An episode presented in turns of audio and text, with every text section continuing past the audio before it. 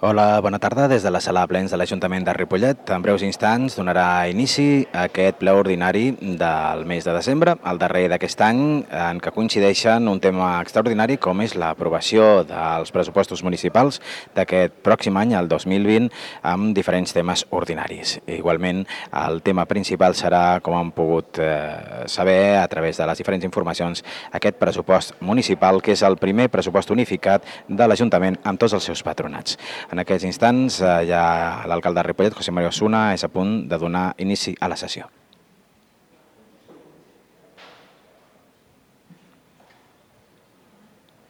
Sembla que té un petit problema amb el micròfon l'alcalde. Eh, mentre eh, endollen el micròfon, doncs eh, nosaltres els expliquem que eh, doncs, en aquest ple també hi ha una moció eh, i doncs, eh, mm, eh, també doncs, eh, hi ha diferents eh, temes avui doncs, a tractar, eh, temes de caràcter ordinari. El mío sí.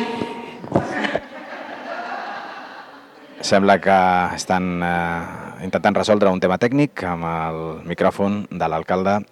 Si no, doncs el micròfon demà, amb el micròfon inalàmbric, també podrà fer la sessió.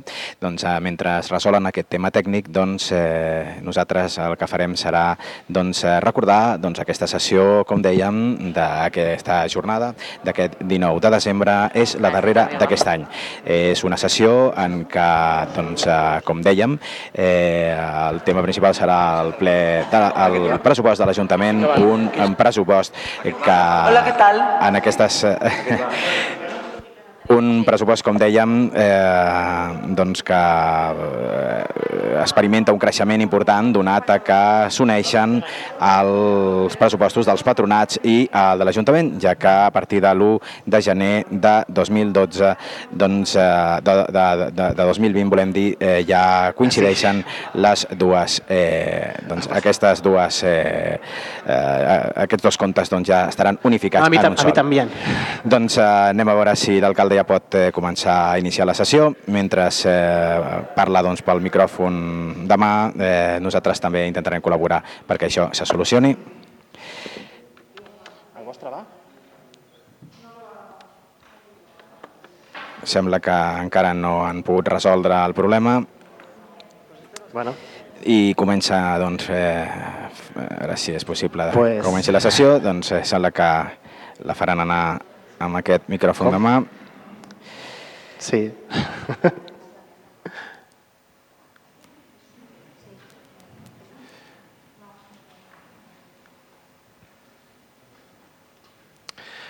bueno, demanarem al tio o als reis que ens portin uns micros. Doncs mentre esbrinem què és el que passa amb la microfonia, hi ha una part de microfonia que no funciona, com podeu comprovar. Doncs en tot cas comencem el ple ordinari d'aquest mes de desembre i, i per ara doncs, excusem l'assistència al regidor Joan Molina del PSC que s'incorporarà en principi al llarg de, de la sessió.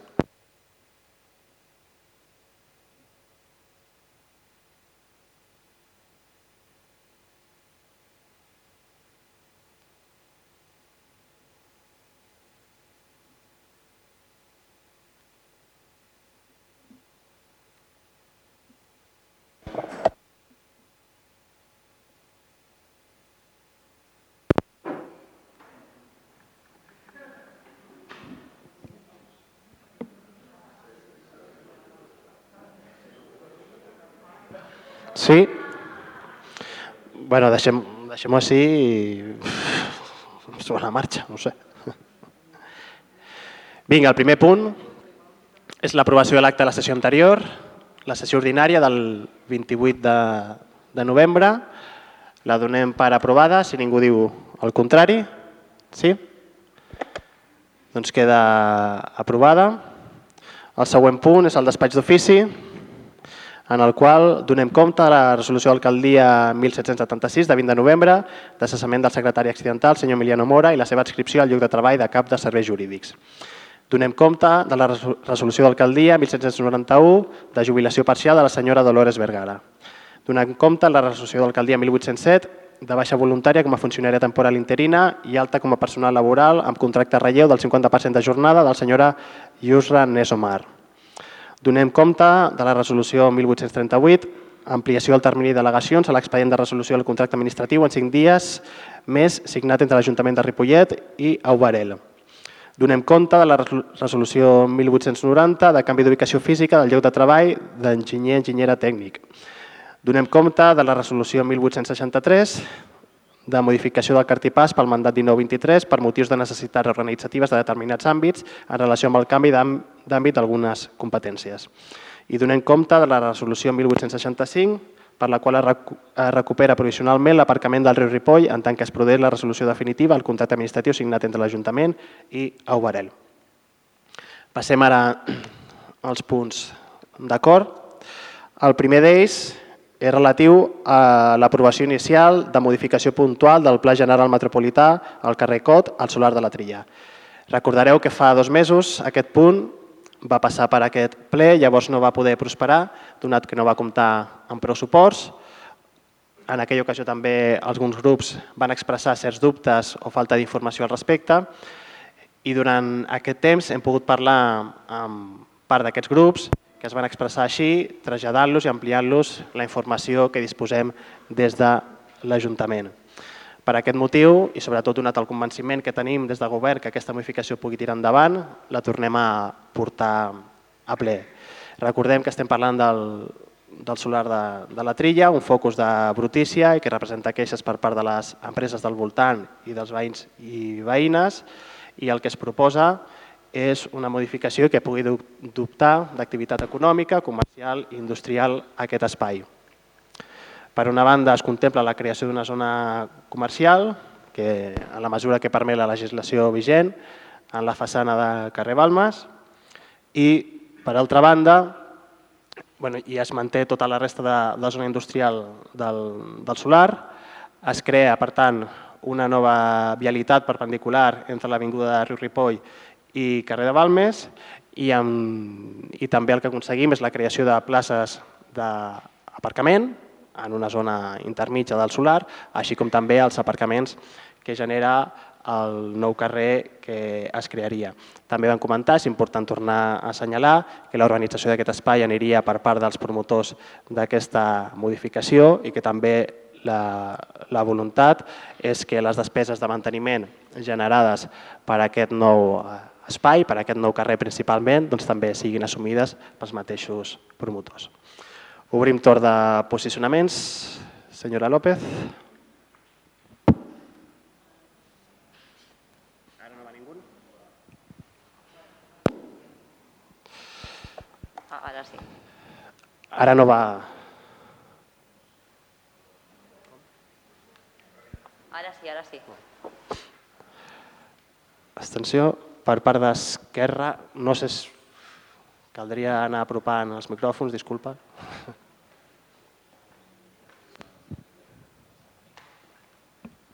Moltes gràcies. Uh, té raó, senyor alcalde. Uh, en els darrers, darreres setmanes, en els darrers mesos, hi ha hagut uh, hi ha hagut eh, moltíssima més informació al respecte, eh, no només la meva formació, la formació que represento, sinó segurament d'altres. Eh, tota la informació, que hagin rebut ha sigut benvingut. Dit això, permetin que, que li faci saber que, que set mesos de l'actual legislatura han donat, han donat per a molt políticament parlant i gràcies, gràcies no només a la força de la gent i al seu suport, avui podem verbalitzar que tot i que l'inici de l'actual legislatura ha estat una suma d'enrocaments polítics i posicionaments involuntàriament erronis, segurament l'horitzó actual eh, dibuixa un futur eh, de diàleg. I ho podria ficar en negreta, de diàleg concessions i acords que sense cap mena de dubte seran el presagi de futures bones notícies per a totes les veïnes i veïns de Ripollet. La dignificació i posada en ordre de molts dels indrets urbanístics de la ciutat, les correccions de diferents il·legalitats del tot innecessàries i, en definitiva, la voluntat de resoldre tot un conjunt de situacions anòmales ens porten avui a la formació que represento Esquerra Republicana canviar el nostre posicionament i manifestar avui el nostre vot favorable. Gràcies.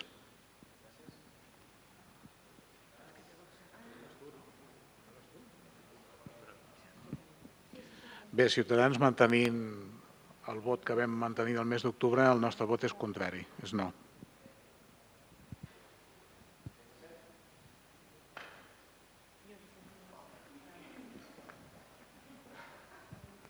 Hola, ¿sí? Sí, hola, buena tarde. Eh, mira, cuando vimos que volvíamos a poner este, este, punto en el Pleno, volví a leerme el informe para saber realmente todos los datos, porque um, si también hablamos con la, con la regidora, pero había puntos que todavía no nos quedaba muy claro cómo funcionaba el, el tema. Pensamos que la mejor manera de, de, mantener el sitio limpio y, bueno, con seguridad y esto, no es cambiar el PGM, es hablar con la propiedad e instarlo a que hagan realmente las reformas que tengan que hacer para mantener todo aquello bien, hecho. Eh, tenemos al lado el polígono Cadesbank, que realmente se está cayendo a trozos. Sabemos que hay naves que se están cayendo, que no hay seguridad también allí y, eso no se está haciendo ningún plan para remodelar este, este polígono. Simplemente se está instando a hacer el cambio en, el, en los terrenos de la trilla. Entonces nos gustaría que nos explicarais realmente qué es lo que van a hacer allí, qué es lo que va a pasar en, este, en estos terrenos, que, que, se debata, que nos informen, porque claro, llegamos a un punto que no sabemos la información correcta. Eh, entonces, bueno, nosotros no nos sentimos identificados con este proyecto, tenemos muchas dudas y nuestro voto será en contra.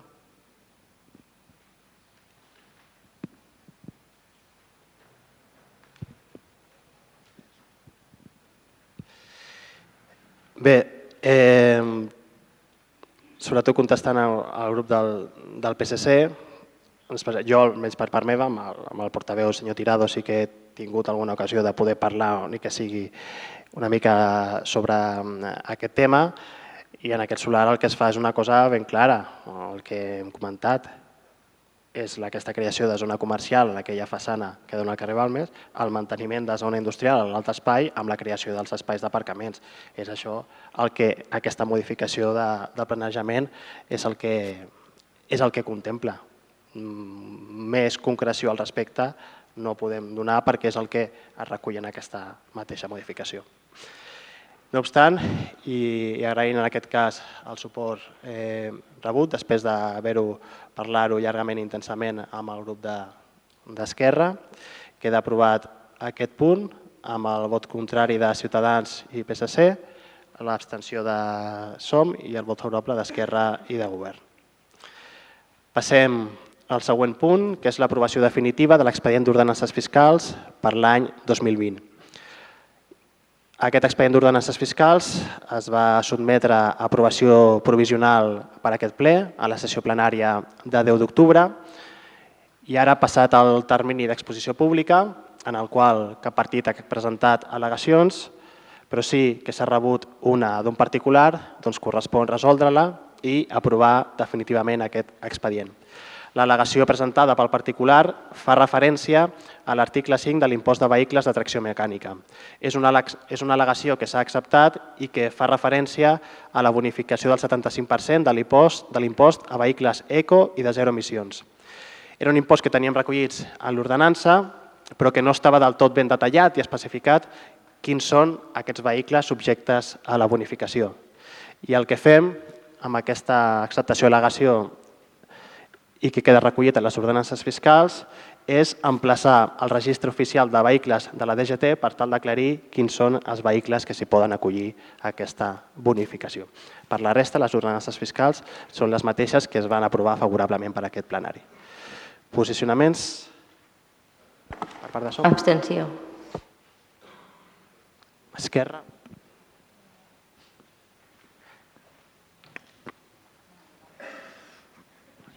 Em sap greu, eh? Um, en aquest cas, manifestem i reiterem el posicionament que ja vàrem verbalitzar dies enrere durant els darrers plens. En aquest cas, que Republicana eh, donarà suport al govern municipal i recolzarà amb el seu, amb el seu posicionament favorable a aquestes ordenances fiscals 2020. Nosaltres, pels mateixos motius que vam votar en el seu dia en contra, els mantenim la posició i, per tant, també les votarem en contra.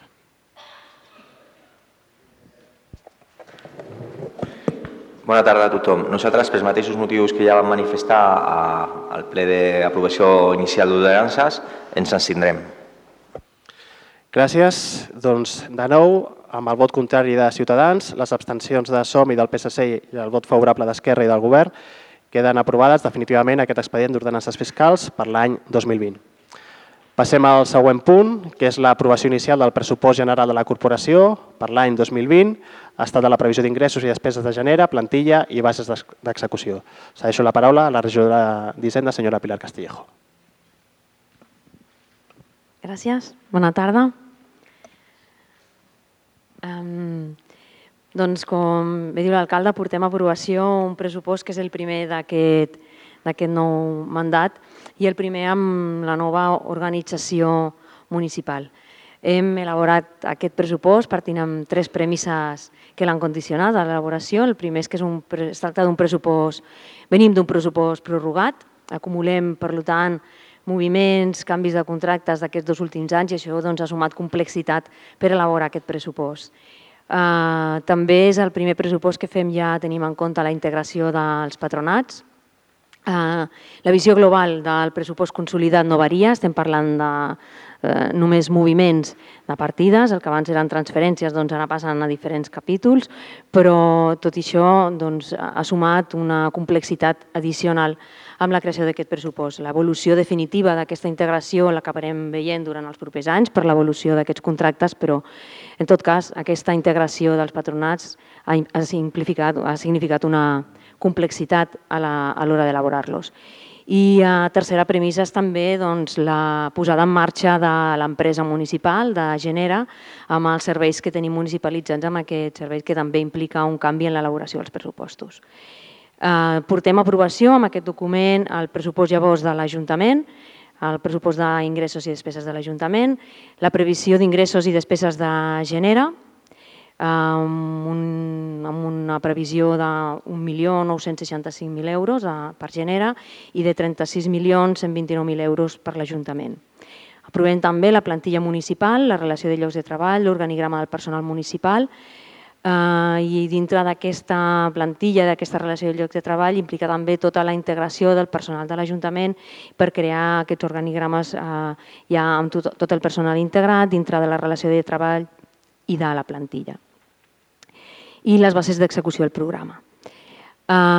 L'existència de, de Genera, de l'empresa municipal, amb aquests 2 milions d'euros de pressupost, i el que implica a nivell conceptual és que tots aquests mm, quasi 1.400.000 euros de la neteja i aproximadament el mig milió de les escoles bressols que abans anaven a parar a mans privades per la seva gestió, ara enforteixen i donen musculatura al sector públic perquè són diners que definitivament queden aquí a l'Ajuntament la, i estem parlant doncs, d'un doncs, pressupost consolidat de prop de, 30, de 38 milions d'euros. Pel que fa a les despeses del pressupost, destaco només els temes principals. D'una banda, el capítol 1, que són les despeses de personal, eh, presenta un increment important respecte al pressupost de 2019.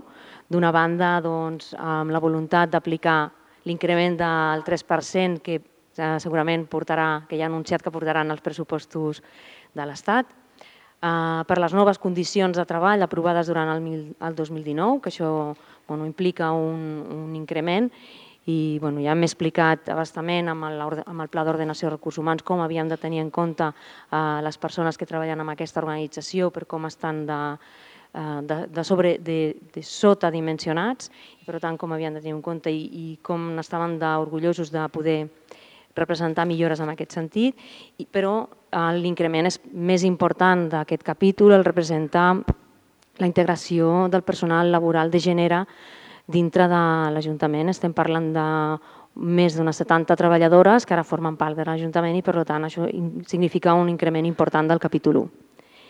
Pel que fa al capítol 2 de, de, de despeses de béns i serveis corrents, eh, aquí hi ha diverses coses a destacar per part nostra.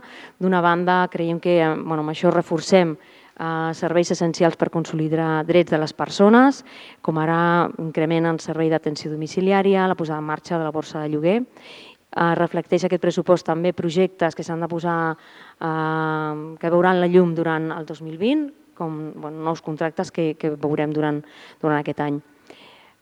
Destaquem també les partides que destinem a, al manteniment dels equipaments municipals, amb especial cura amb els equipaments educatius, pels que hem creat una partida de 190.000 euros per posar en marxa un nou encàrrec de gestió dedicat només al manteniment de les escoles de primària.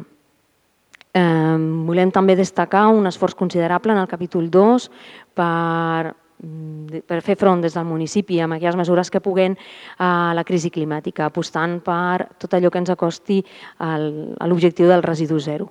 En aquest cas en concret, la partida més important és la de la implementació del nou model de recollida de residus, una partida per, un, per mig milió d'euros, però que tant la, la trobem a despeses com a ingressos perquè hem trobat subvencions pel mateix import de, que provenen de diferents de diferents administracions supramunicipals, de Diputació, Agència Catalana de Residus o Àrea Metropolitana, que ens ajuden a tirar endavant amb aquest ambiciós objectiu d'implementar el nou model de recollida de residus. Pel que fa també a les inversions, creiem que és important destacar que, eh, si bé és cert que el pla econòmic financer que vam aprovar a, a principis de mandat i imposa unes limitacions pel que fa a l'execució de la despesa durant aquest any, eh, el pressupost recull algunes inversions que, que creiem necessàries que se poguessin executar durant aquest, durant aquest estiu en equipaments escolars, esportius i al mercat municipal, que és quan tenim menys afluència o bé de nens eh, treballant o, o han d'estar tancats els esportius o podem fer obres pel mercat municipal. Estem parlant de 430.000 euros per inversions a les escoles, que recullen l'ampliació, per exemple, de l'Escola Institut Pinatons, de 460.000 euros per actuacions de diferents equipaments esportius, des de piscines, vestuari, gimnàs poliesportiu o el pavelló Joan Creus, i 130.000 per les millores del mercat municipal. Uh, per últim, volíem agrair d'una banda uh, tot el personal municipal que ens ha ajudat a elaborar aquest pressupost. Són moltes mans les que han, han, han estat necessàries per poder, per poder fer-lo. És un treball col·lectiu, però destacàvem també des dels serveis econòmics i del cap del departament que ens ha ajudat i hem esmerçat moltes hores per confeccionar aquest pressupost. I els grups municipals amb els que ens hem reunit, amb tothom, per poder donar a conèixer el pressupost, per recollir propostes. Eh, bueno, això, ens hem reunit amb tothom. Malauradament no hem tingut gaires propostes per recollir. Sí, en aquest cas hem tingut aportacions molt positives del grup d'Esquerra Republicana que ens permet, en aquest cas, doncs, comptar amb el seu vot per tirar endavant els pressupostos. Per part meva, és tot. Gràcies.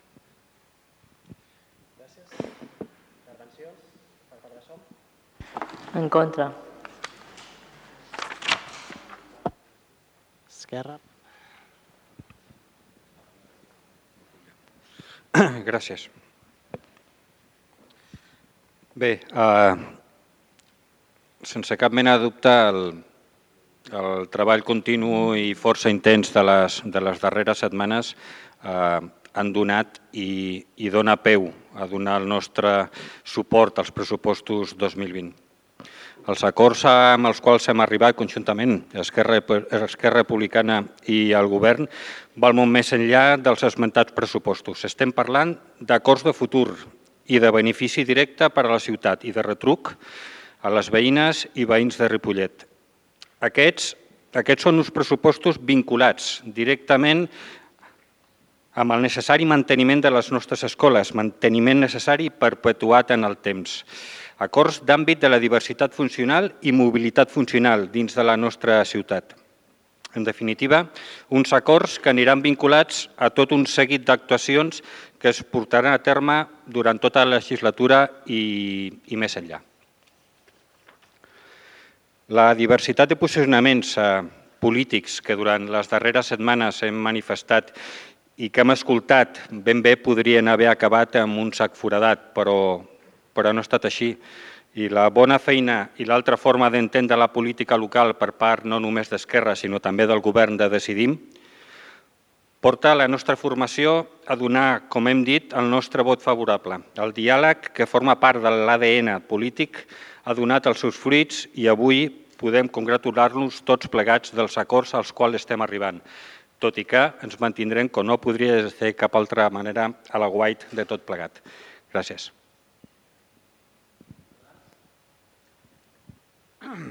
Sí. Ciutadans és veritat que no ha estat convidat a, presentar propostes en aquests pressupostos. Mm, Pensem que haguéssim pogut buscar l'oportunitat doncs, de poder presentar alguna cosa per buscar una extensió, però no ha estat així. Entenem que tenen majoria de govern i que amb Esquerra Republicana doncs, ho tenen solventat, com, com es pot veure, i ho dic sense cap tipus de, de ressentiment, vull dir, és, és la realitat. No? no obstant així, vull agrair les explicacions que la senyora Pilar Castillejo eh, ens va fer arribar en quant al pressupost i valorar la forma del, del mateix, amb aquest pressupost nou, que és un format de pressupostos més entenedor i més digerible, li haig de dir la veritat. No? Però és cert que tenim models contraposats de ciutat, entre el model que vostès proposen i el que tenim nosaltres, però és veritat que la majoria la tenen vostès. I això parteix ja del ple d'ordenances. Eh, per nosaltres no hi ha un debat de pressupostos, un debat d'ordenances, és quelcom que va tot vinculat, és a dir, quan recaudem i com ho volem gastar. Les nostres van ser, han sigut, han estat unes ordenances fiscals abusives, amb uns valors catastrals eh, que afecten a tots els impostos. No repetir el discurs que vaig fer el seu dia, però pensem que se podien haver doncs, eh, minorat els valors que vostès van donar. Fan que s'apugi l'IBI. Hem tingut la novetat d'aquest nou tribut metropolità per part de l'àrea metropolitana de Barcelona, els hem de dir el següent. Si són valents per enfrontar-se a un estat que vostès anomenen que és centralista i repressor, per què són còmplices d'altres administracions que sangren les butxaques dels ciutadans amb una entitat metropolitana replena, repleta d'assessors i d'enxufats polítics que l'únic que han fet aquesta darrera setmana és apujar-se a pujar el nombre d'assessors i inclús a pujar-se els sous. La senyora de Colau, fa pocs dies, així ho ha manifestat. Ens agradaria sentir la veu del nostre govern defensant que el tribut metropolità eh, ja es va fer, però no amb la contundència que possiblement nosaltres ens ho havíem desitjat. I sobretot, veient el pressupost, també ens agradaria veure i que algú ens expliqués per què aquesta famosa aportació que en el seu dia, en l'any 2005, va fer l'Ecoparc del Besòs a l'Ajuntament de Ripollet, eh, d'uns miserables 20 milions d'aleshores pessetes per contribuir amb la llum de les escoles, 14 anys després ens preguntem per què l'Ajuntament no ha estat capaç de demanar que hi hagi una actualització, o bé conforme a l'IPC o vinculat als beneficis que té aquesta planta. Això no ho hem sabut veure en lloc. La UT que formen Urbacer i Fomento de Construcciones i Contrates tenen una planta tocant a Ripollet que n'hem patit molts anys les inclemències, és veritat que ara està bastant controlat, però que genera 22 milions de quilowatts a l'any. Vostès saben això, en euros, quan és? O sigui, l'Ecoparc del Besòs de Montcada ve facturant, i els hi dic per intuïció, perquè si jo en busca les dades per internet els asseguro que és tot l'opac possible per no donar la informació. Però això ve generant de l'ordre dels 2.400.000 als 3 milions d'euros anuals. Potser seria hora que el nostre Ajuntament demanés que aquests 14 anys que han passat, aquesta aportació que fan a Ripollet i a Montcada hauria anat vinculada amb un increment o amb el rendiment de la planta o amb l'IPC anual. Jo ho vincularia més aviat amb el primer. No entenem tampoc per què quelcom que se'ns escapa a nosaltres però que podríem alçar la veu, per exemple, amb les despeses del jutjat de pau. Per què l'Ajuntament de Ripollet ha de fer front al manteniment, al lloguer, al material d'oficina, als telèfons, a l'aigua i als correus del jutjat de pau? A Cerdanyola tenen jutjats de primera instància i instrucció i això ho paga el Ministeri de Justícia. Per què els municipis petits hem de pagar eh, el manteniment d'aquestes instal·lacions?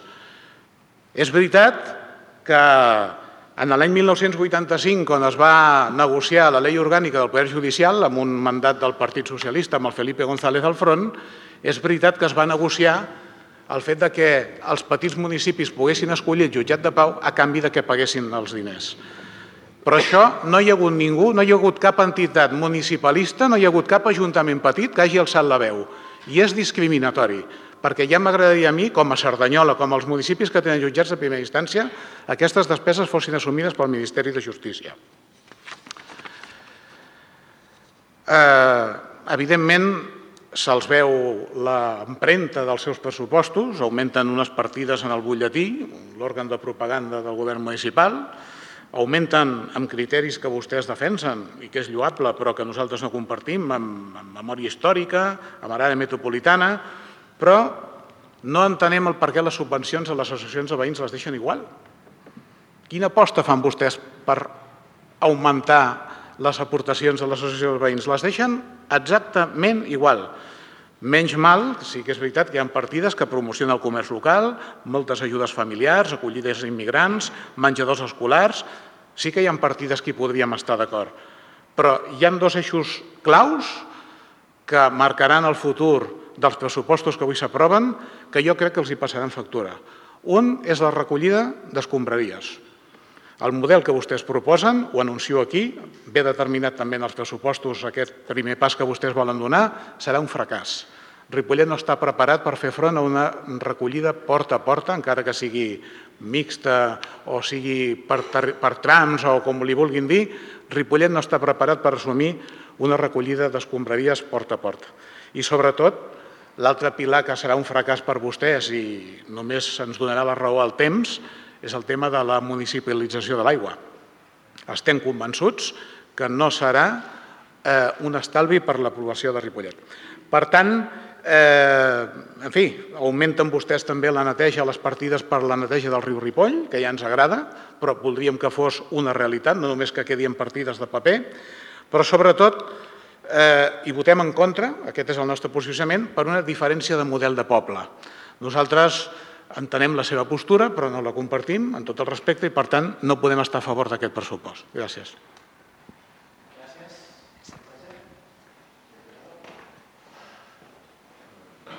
Funciona, funciona. Gràcies.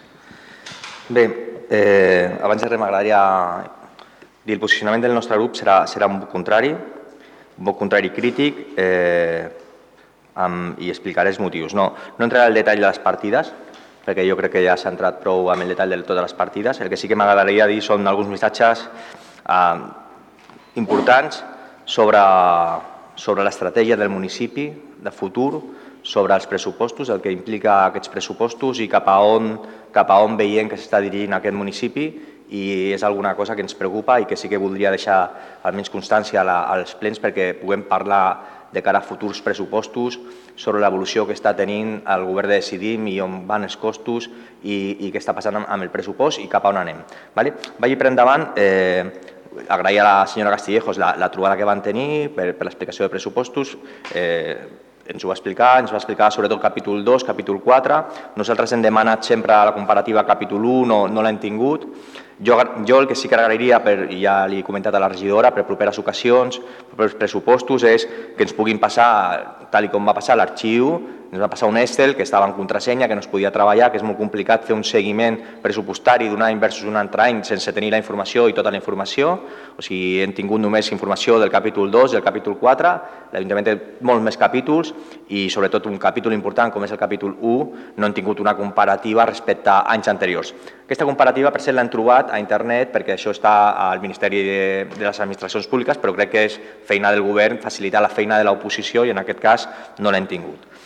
Ara vaig al capítol 1 perquè quan hem analitzat aquesta informació el que estem veient és l'evolució eh, de, de la despesa que té aquest capítol que va, ha passat de poc més del 30% sobre el, el volum total que té l'Ajuntament de Ripollet a un 40,5% de despesa del volum total dels ingressos i les despeses que tindrà l'Ajuntament de Ripollet. Això al final està molt bé, per una banda, perquè millorem les condicions dels treballadors i treballadores, perquè contractem més gent, més treballadors i perquè poden fer millor el treball, però jo crec que les noves tecnologies el que ens haurien d'ajudar justament és intentar uh, mantenir la despesa que ja teníem i no haver-la d'incrementar amb aquesta proporció, perquè tot el que incrementem, que han sigut 3.300.000 euros des que vostès estan al seu mandat des del 2015, recordo, 3.300.000 euros d'increment de despesa al capítol 1 que hem tingut a l'Ajuntament de Ripollet, això el que està fent és que altres partides de necessitats importants que podem tenir en un futur i que s'haurien de, i s'haurien de treballar o més inversions que li fan falta a Ripollet, no les podrem fer efectives perquè ens estem gastant altres diners en altres, en altres situacions. Més Ripollet és un municipi, ja ho ha dit el, el, el senyor Gavarra, amb una pressió fiscal enorme, enorme als ciutadans i ciutadanes. Sobretot amb l'IBI, amb l'impost de circulació estem al, a, igual que la mitja de veïns i veïnes de Saranyola, de Montcada, Barberà, que són els municipis que s'envolten d'un tamany similar al nostre municipi i d'una situació social i econòmica que ens envolta similar, però la realitat és que després, quan mirem l'IBI, l'IBI de Ripollet és, és molt més elevat, la tassa de l'IBI de Ripollet és molt més elevada i els veïns i veïnes de Ripollet paguen molt més que la resta de veïns i veïnes dels altres municipis. I són dades reals. O sigui, a Ripollet tenim una tassa ara mateix del 0,74 a 8, a Saranyola la tenen del 0,56, quasi 0,2 punts per sota de la de Ripollet, a Montcada del 0,58, dos, quasi 2 punts per sota, 2,02 punts per sota de la de Ripollet, i a Barberà molt més baixa del 0,47. I això és molt senzill el motiu. El, sens, el motiu és perquè a, a Barberà, a Montcada i a Saranyola tenen polígons industrials que aporten riquesa al municipi. I a Ripollet no ho tenim. I a Ripollet la meva companya, la de Barrera, els ha comentat abans que tenim el cas del polígon Cadesbanc que està, que està caient. O sigui, nosaltres portàvem el nostre programa i crec que és una idea que s'hauria de treballar i és un, i, i jo crec que potser més endavant hauríem de fer inclús un ple extraordinari per parlar de l'ocupació de Ripollet perquè Ripollet té estructuralment un atur que és la segona població en la tassa d'atur més elevada del Vallès Occidental i ens preocupa molt aquest tema. I veiem que no s'estan fent prou esforços per millorar aquesta situació perquè els polígons que tenim no estan adaptats a les noves tecnologies i no tenim empreses en, en, en sectors més eficients que ocupin a més persones, sinó que tenim empreses en sectors, sobretot del metall, que s'estan deslocalitzant i que estan tancant. I que, tal i com anem, el que ens trobarem serà en un futur en un poble que viurà molta gent però que la, la gent haurà d'anar a treballar fora. Sobretot a Barcelona, que és qui s'està posant de veritat al dia, sobretot amb l'22 arroba i amb, amb noves tecnologies, en startups i en nous negocis que són els que estan aportant avui en dia la feina, feina de valor i salaris més elevats i no els salaris tradicionals, els sectors tradicionals, que és el que està apostant s'està apostant pel govern de Ripollet. Per tant, jo crec que aquí cal fer una reflexió important per buscar noves fonts de financiació dels pressupostos municipals via IAE i deixar de gravar tant a la població, perquè tenim una tassa, ja com he comentat, molt més elevada que la de l'IBI, que la que tenen tots els municipis que ens envolten. Molt més elevada i a més ara, amb la pujada de valors catastrals que tindrem, això encara ho empitjorarà. Esperem que això no passi perquè vam aprovar una moció justament per, en aquest sentit d'anar-ho ajustant en funció de la pujada de les, de les, dels valors cadastrals, però Ripollet ja ha tingut molts, moltes vivendes, eh, pujats del 40% del valor cadastral, el que comportaria d'aquí 10 anys una pujada de l'IBI del 40%, si no se va ajustant aquesta tassa. Aleshores, és un model de ciutat molt diferent molt diferent del que vosaltres tenen, el que vosaltres volíem proposar en aquesta legislatura d'incentivar i de potenciar molt els polígons industrials i, i que vinguessin aquí noves empreses a invertir a Ripollet i no a altres llocs que sí que estan anant. I això és una forma de crear riquesa al municipi, de crear més valor i més impostos i de poder baixar la pressió fiscal als veïns i veïnes que la tenim, la tenim de veritat molt més elevada que els municipis que ens envolten.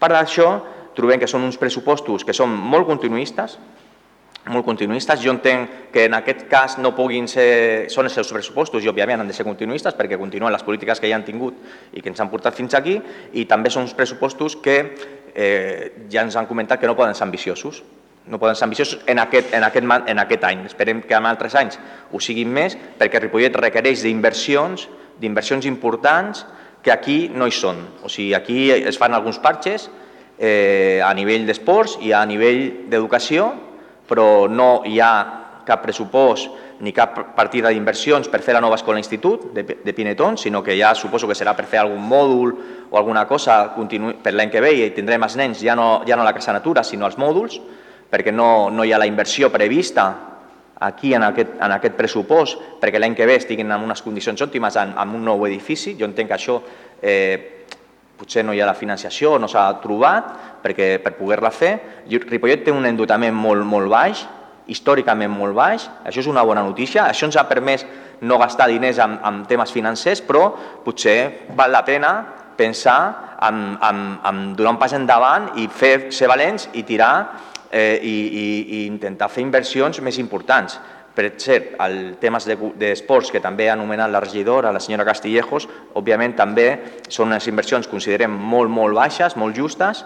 Aquí, Ripollet, eh, hem de treballar per tenir, com, com, com s'ha comentat, el nou poliesportiu i pensem que, que un nou equipament com és un nou pavelló, eh, de futur i caldria ja buscar, buscar aquesta financiació. Si allò costa 7-8 milions d'euros en un poliesportiu, d'algun lloc s'haurà de pagar i no veiem no, no sabem si s'han fet ja trobar, si, si no s'han fet per buscar aquesta financiació, perquè el pressupost no surt reflectit. Esperem que sí i que pugui ser una realitat, eh, perquè, perquè és necessari pel municipi.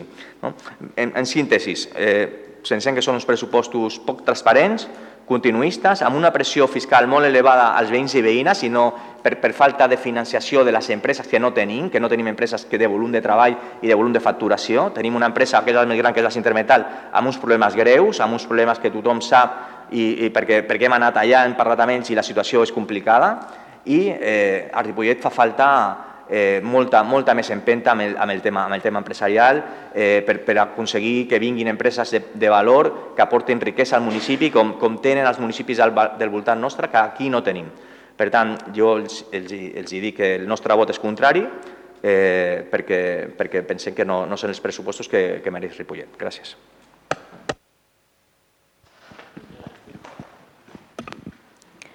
Sí, gràcies. Um, bueno, agraïm el vot d'Esquerra que ens permet tirar endavant aquests pressupostos, però sí que m'agradaria fer algunes consideracions um, inicials. Um, L'increment que, o sigui, les línies generals no, que, que em deien de, el senyor Tirado de, del pressupost nostre, perquè feia el capítol 1, no? l'increment tan important que significa el capítol 1 amb aquest Ajuntament. Uh, si, si vostès fixen els números que tenim de pressupost, és cert que, que ha passat d'un 30% i ha superat aquest percentatge. Uh, no ens desajustem gaire del, dels plans que ens, pre, que ens preparava el Pla Econòmic Financer, quines havien de ser les inversions, o sigui, les, els límits de despesa de cada un dels capítols, no, no ens desajustem gaire. Pensa que venim de moments de crisi on es van fer retallades molt importants al sector públic i és precisament des de l'Estat que s'estan revertint aquestes retallades amb les imposicions d'aquest 1%, 1,5%, 2% d'increment anual que portem des de diversos anys enrere eh, que ens demanen aquests increments amb el capítol 1. Per tant, la majoria d'increments han vingut per aquesta banda. És cert que també tenim el conveni, el conveni que hem aprovat aquest any, però és un conveni que feia molts anys que no s'havia aprovat i per tant representa diferències que jo crec que són les lògiques quan fa tants anys que no teníem un conveni conveni. Les principals venen per aquestes aquests increments que ens va marcar l'Estat per recuperar aquest, eh, el poder adquisitiu dels treballadors després de les, no, de les retallades importants i com ho he explicat al principi, l'increment més gran de capítol 1 és el que prové de, de la municipalització dels serveis, d'un ajuntament que ara mateix tenim uns 200 treballadors després de la integració amb els patronats, eh, l'increment és de 70 treballadors més eh, amb la incorporació de les municipalitzacions.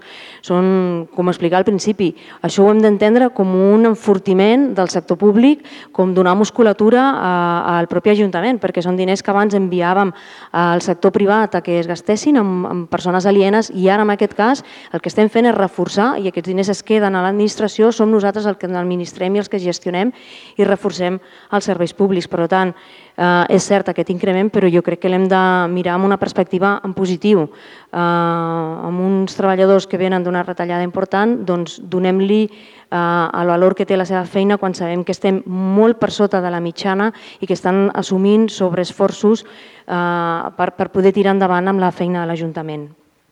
Eh, en parlem molt de la càrrega impositiva, de que si apugem molt els impostos. La veritat és que si compareu amb l'any anterior, l'IBI, el que ha augmentat, és en 120.000 euros. 120.000 euros de l'IBI respecte a un pressupost d'ingressos de 36 milions que hem dit. Per tant, 120.000 euros més d'ingressos en l'IBI vol dir que clarament no estem eh, fent una política fiscal que extorsioni els veïns i veïnes. Estem sent molt respectuosos perquè sabem les condicions eh, socials i econòmiques dels veïns i veïnes i, per tant, som molt curosos, vigilem molt, intentem fer una política fiscal molt justa. És cert que ha incrementat, però són 120.000 euros i al mateix temps, el que comentava, hem de fer més esforços amb, amb els polígons, que aquesta recaptació vingui de l'IAE. L'IAE incrementa respecte al pressupost anterior amb, 80, amb prop de 90.000 euros per fer aquesta... Sí, sí, 88.000 exactament. Llavors, eh, si són aquests 120 de l'IBI i aquests 80, de, aquests 90 de l'IAE, vol dir que estem desenvolupant, tenim més, més treball als polígons. Um, però el que sí que és important dir respecte als polígons, no és aquest tema impositiu, perquè no és que, haguéssim, no és que haguem modificat l'impost, sinó que tenim més activitat als nostres polígons i per tant estem recaptant més pel que fa l'IAE, sinó eh, tot aquest pla de millora de polígons que estem posant en marxa, dels que vam aconseguir una subvenció molt important juntament amb l'Ajuntament de Montcada i que serà efectiu durant aquest 2020, comencem a aplicar tot aquest, totes aquestes inversions que no apareixen al nostre pressupost perquè apareixen en, la, en el de Montcada, però alguna part important ha de venir a parar al nostre, nostre Ajuntament, han de fer ara la transferència d'aquestes inversions perquè puguem aplicar-les al, a, a les inversions de millores als nostres, als nostres polígons. Um, uh, també és cert que aquest és un any, i jo crec que és important dir-ho, amb, aquest, amb aquest pla econòmic financer que tenim a sobre, que nosaltres hem, de, hem, hem dedicat bàsicament a la planificació. Nosaltres creiem que és un any en el que hem de projectar totes aquestes eh, inversions de futur, com ara una nova escola-institut, eh, aquest edifici, com molts altres equipaments que Ripollet necessita. Són molts els equipaments perquè estem molt pobres en equipaments. Eh, el que hem parlat del poliesportiu, el de l'escola-institut, hem de buscar per l'escola de música, els edificis dels habitatges, de, no, els habitatges públics, l'escola eh, per l'escola d'adults, o sigui, són molts eh, els equipaments que tenim projectats, però amb el Pla Econòmic Financer no és aquest l'any en el que executarem aquestes inversions, aquest és un any en el que projectem, aquest és un any en el que planifiquem i és un any en el que busquem tots els recursos econòmics que, busquem, que puguem de, de administracions superiors per poder tirar endavant totes aquestes, totes, tots aquests projectes. És un any de planificar i de començar les licitacions per tal que durant el 21 i el 22 podem executar totes aquestes grans inversions que, que la ciutat necessita. I jo crec que fent una lectura eh, diferent, però per mi no perniciosa dels, dels pressupostos que portem, jo crec que apuntem cap a un model de ciutat en el que busquem és consolidar dret consolidar drets i començar a construir, a tenir una visió de futur en el que volem és doncs, una ciutat més vivible, en les que les persones siguem al centre d'aquesta ciutat, pensem en elles i pensem en els seus drets i pensem en tots els equipaments que necessita, eh, que necessitem les persones perquè visquin a Ripollet. I pensem també, i perquè és molt important, en un Ripollet que sigui sostenible, perquè estem davant d'un repte que ens deien des de Ciutadans que Ripollet no està preparat, no és que Ripollet no estigui preparat, possiblement aquesta societat no està preparada, però és, el nostre, és, és, el, és la nostra obligació preparar-nos i assolir els reptes que aquest planeta necessita. Nosaltres des d'aquest Ajuntament fem allò que, que des de l'àmbit municipal es pot, que és també un tema molt important, no? un Ripollet del futur que ha de ser també més sostenible. I per això nosaltres apostem per aquest nou model amb el que han d'anar-hi al darrere la resta de ciutats de l'àrea metropolitana.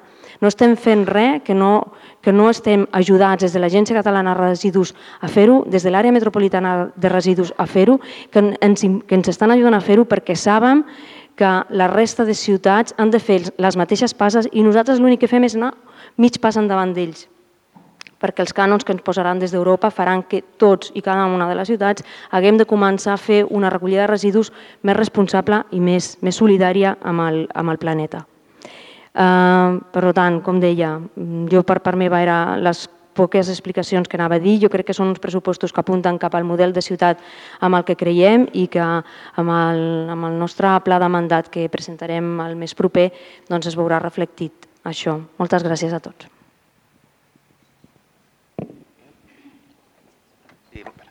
Sí, gràcies. Molt, molt, molt ràpid. Quan em refereixo a un, a un tema d'ambició, vostè em, em parlava de Moncada. Sabe el pressupost que té Moncada? Ja li dic jo. Moncada té un pressupost de 40 milions d'euros per aquest any. Moncada té un pressupost de 40 milions d'euros, per una mica més, ser 40 milions, bàsicament perquè té 14 polígons industrials, nosaltres en tenim 5, i perquè té empreses potents que els hi deixen molts impostos, amb una pressió fiscal pels veïns i veïnes molt més baixa. Nosaltres no parlem de pujar l'IAE 91.000 euros. No, no, no, no dic l'IBI, dic l'IAE. Sí, vostè ha dit, m'ho he apuntat, 90.000 euros més d'ingressos previstos per l'IAE. Això, sí, sí, deixin, deixin que li expliqui. És que no parlem d'això, això són les migajas. ¿vale? El que parlem és que Ripollet ha de modernitzar els seus polígons no per tenir 90.000 euros més, sinó per tenir 2 o 3 milions d'euros més. Això és el que estic parlant. Perquè nosaltres, si aconseguíssim tenir 2 o 3 milions d'euros més amb aquests impostos, nosaltres podríem fer moltes més coses, podríem fer els equipaments que tenim previstos. Sense aquests ingressos, i amb les lleis tal com estan, esperem que pugui governar el, el Partit Socialista i pugui canviar les lleis de Montoro, és difícil que puguem fer les inversions que s'han de fer al municipi de Ripollet i amb les quals jo crec que els 21 regidors i regidors que estem aquí i tota la població estem d'acord. Totalment d'acord amb aquestes inversions i totalment d'acord amb la justícia social. Ja ho veiem, sí, sí que gastem molt en justícia social i això és molt important i està molt bé. Nosaltres també ho faríem. Amb l'ecologia, totalment d'acord, aquí ens tindran al seu costat. I amb la igualtat, també ens tindran al seu costat. Aquests són els tres eixos vertebradors que han marcat les polítiques i marcaran les polítiques nostres del grup socialista. I en tot això, justícia social, igualtat i ecologia ens tindran al seu costat. Però trobem falta d'ambició, i de veritat li dic, o sigui, li dic amb tota sinceritat, falta d'ambició en les polítiques d'ocupació per generar recursos, per generar ahir i per generar ocupació al municipi. De veritat li dic. O sigui, li dic perquè a mi em fa mal cada vegada que l'Observatori de la Occidental passa les dades de l'atur i veig que contínuament, any rere any, i portem molts anys, som la segona ciutat de la comarca amb la tassa d'atur més elevada. Que quan parlem de renda mitja disponible dels veïns i veïnes de Ripollet, són els veïns i veïnes de Ripollet amb la renda mitja disponible més baixa de la comarca. Això fa mal als ulls i és un tema estructural, no és un tema de, del seu govern, és un tema de molts anys i a mi crec que, eh, i dic que és de fa molts anys, eh, no és del seu govern, eh, això és de fa molts anys, però jo crec que hem de fer en algun moment un punt d'inflexió. Nosaltres teníem l'ambició i crec que el programa per fer-ho i estem disposats a ajudar-los a fer això, perquè és un tema de ciutat, al final el que volem és que la gent visqui millor a Ripollet i que a Ripollet hi hagi feina i que la gent es guanyi millor la vida. D'acord? Jo crec que és el nostre objectiu com a polítics treballar per això. I amb això ens tindran al seu costat.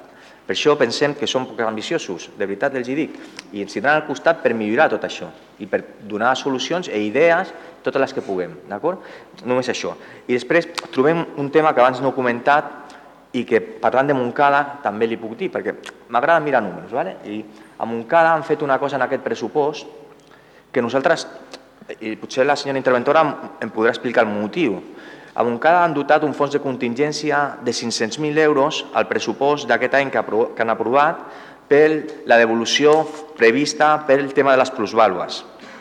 Perquè els ajuntaments han col·locat unes plusvàlues que, en principi, no s'haurien d'haver cobrat. I em refereixo a vendes d'immobles amb un valor inferior al de compra.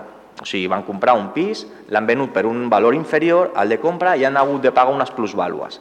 Aquest efecte a Barcelona ja han significat una devolució, crec recordar, de més de 10 milions d'euros. I tenen previst per aquest any un altre cop haver de tornar molts milions d'euros. I a Montcada, que és un municipi amb menys vivendes, més petit que Ripollet, perquè tenen 36.000 habitants i nosaltres 39.000, tenen dotat al pressupost, i ha sigut un tema de debat important, mig milió d'euros per aquest pressupost. I Ripollet té zero. Zero. O sigui, què passarà si comencem a tenir demandes de veïns i veïnes que ens, demanen, ens demanden perquè els hi tornem la plusvàlua i això no està previst al pressupost, perquè tenim al capítol 5 de despeses 0 euros. O sigui, crec que aquí hi ha hagut una falta de previsió, de veritat ho dic, amb una provisió de despeses que s'hauria d'haver tingut i que no s'ha tingut al, al pressupost i que això hagués implicat segurament haver de reduir despeses de partida d'altres capítols. I aquí ho deixo. És un tema una mica tècnic, eh, però crec que aquesta previsió no s'ha tingut. Gràcies. Gràcies per, per les aportacions. Bueno, jo crec que ha estat un debat interessant. Jo, per últim, uns, uns comentaris i apreciacions. Pel que fa a capítol 1, és molt cert, és evident, les dades ja d'aquest d'augment. I abans de les consideracions que ha fet la senyora Castillejo, hi afegiria una de més. És que per poder tirar endavant tots els serveis, els programes de capítol 2 i també per poder tirar endavant tota la resta d'inversions, el que necessitem és un capítol 1 potent, perquè moltes, amb l'experiència, els quatre anys anteriors, en moltes ocasions el que ens hem trobat és amb mancances precisament per poder tirar aquells programes, serveis, inversions endavant per aquesta certa feblesa pel que fa al, al capítol 1. Eh, pel que fa als comentaris que s'han fet de la realitat dels polígons, en bona part puc coincidir amb l'anàlisi que ha fet el, el senyor Tirado i sobretot pel que fa a aquestes dades d'atur, no? que també a tots ens, ens preocupen. I de les coses que més tenen implicació directament amb, amb l'atur al nostre municipi són dues. Uh, la disposició, la disponibilitat, la superfície de polígons industrials del nostre, munici del nostre municipi i del nostre voltant.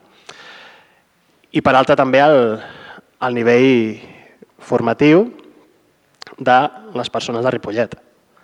I en aquest cas considerem que des del nostre govern el que hem fet és una aposta quantitativa i qualitativa per l'educació, com entre altres es materialitza amb els instituts d'escola, com també pel tema polígons, posant en marxa eh, uns serveis d'atenció a empreses que no existien i dotant de personal, d'augment del capítol 1 de l'Ajuntament, de persones que es dediquin a aquesta qüestió. I un dels principals efectes que hem comentat moltes vegades és precisament aquest atorgament de subvenció per part de Diputació als ajuntaments de Montcada i Ripollet que ha de veure la, la llum al llarg de 2020. Que queden moltíssimes coses per fer? Ah, per suposat. Que segurament la, aquesta subvenció de la Diputació no ho és tot? Per suposat també. Però també se'ns estan obrint moltes portes, l'Ajuntament està a, a tot arreu, amb moltes altres administracions, a nivell del Consell Comarcal, de l'àrea metropolitana, de Diputació, de Generalitat, interlocutant amb moltíssima gent, interlocutant també amb moltes de les empreses, fent moltes visites als nostres polígons, a les nostres eh, empreses, copsant les seves necessitats i moltes d'elles també ens transmeten eh, la seva voluntat de quedar-se a Ripollet i d'ampliar. I em quedo amb aquesta voluntat de treballar també junts i, i de nou doncs, absolutament oberts per més enllà, per passar d'aquesta anàlisi que en una part compartim, en una de més concreta de quines són les coses que hem de fer per anar a la línia que, que, que aspirem. Pel que fa a inversions, hi ha les tres idees. Eh, per una banda, com ha comentat la senyora Castillejo, 2020 un any de projectar, de fer projectes, avantprojectes, perquè una de les crítiques que també se'ns feia a aquest govern era una mica la improvisació de l'anterior mandat. Ara el que volem és sobretot dedicar la primera part de mandat a planificar, a tenir aquests projectes que es puguin anar executant en la segona part de mandat. Per altra banda, l'altra segona idea del nivell d'inversions, aquestes inversions recollides en el pressupost d'escoles, d'esports, de mercat municipal, qüestions que sí o sí s'han de fer eh, aquest any i moltes d'elles a l'estiu estan contemplades en aquest pressupost d'inversions. I per altra banda sense oblidar d'altres inversions i obres pendents que s'arrosseguen principalment d'aquest 2019 com és l'arranjament de carrer Sant Sebastià, projecte gran de reasfaltats, aïllament de Joan Creus, el recanvi de coberta de la brigada per fibrociment, millora, recanvis d'enllumenats del Rambla Sant Jordi i d'altres enllumenats malmesos, és a dir, hi ha moltes inversions que esperem que també puguin veure la llum al llarg d'aquest eh, del proper any 2020. Així doncs ja sense més, amb el vot contrari de SOM, Ciutadans i PSC i el vot favorable d'Esquerra i del Govern, queda aprovat inicialment aquest pressupost per l'any 2020. Passem al següent punt, relatiu a la compatibilitat de la treballadora de la plantilla del personal laboral de l'Ajuntament, la senyora Carolina Delgado. Aquest punt, entre es proposa que entri per urgència, com s'ha comentat a Junta de, de Portaveus, i abans de passar al contingut del mateix, hem de votar la, la urgència per part de SOM, A favor. Esquerra, Ciutadans, PSC, s'aprova la urgència per unanimitat. Aquest és un punt que cal portar a ple i en el qual es proposa autoritzar l'empleada municipal en actiu de l'Ajuntament, la senyora Carolina Delgado, la compatibilitat de la seva activitat al lloc de treball de tècnica d'organització amb l'exercici d'advocacia, fora de l'horari de la seva jornada de treball actual o la que se li pugui assenyalar en el futur per les necessitats de la corporació. Aquesta autorització també restarà sense efectes en els supòsits següents. Si l'activitat privada impedís o menys que l'estricte compliment dels deures o en comprometés la seva imparcialitat o independència, si l'activitat privada tingués alguna relació amb els assumptes que la persona conegui per raó del càrrec o si la dedicació horària de l'activitat privada coincidís amb la jornada laboral. Posicionaments per part de SOM? A favor, però tinc una pregunta breu. Eh? La técnica señora eh, la Carolina Delgado anteriormente se encargaba de la tarea de les dones por la igualdad. Me gustaría saber quién se encarga actualmente. No és Merche Delgado. La Carolina va estar contractada com a tècnica d'organització i continua fent aquesta tasca. La Merche Delgado. Esquerra, a favor. Ciutadans, abstenció. PSC. Doncs amb l'abstenció de Ciutadans i a la vot favorable a la resta queda aprovat aquest punt. Passem al següent, relatiu al nomenament del representant polític a la xarxa de municipis per l'economia social i solidària. Aquest punt també ha de passar pel ple i es proposa designar a la regidora d'Ocupació, senyora Meritxell Calé, com a representant titular i a Reyes Muñoz com a representant substituta. Posicionaments? A favor. Esquerra, a favor. Ciutadans, a favor. PSC, a favor. Doncs queda aprovat aquest punt per unanimitat. Punt número 8, taula retributiva del personal dels plans i projectes ocupacionals per l'any 2020. Aquí el que fem és establir la retribució per aquest any 2020 dels diferents llocs de treball, de les persones beneficiàries contractades pels diferents projectes i programes relacionats amb l'ocupació i la promoció econòmica i també d'altres iniciatives anàlogues a aquests programes, tot en el marc de plans d'ocupació, de polítiques actives d'ocupació.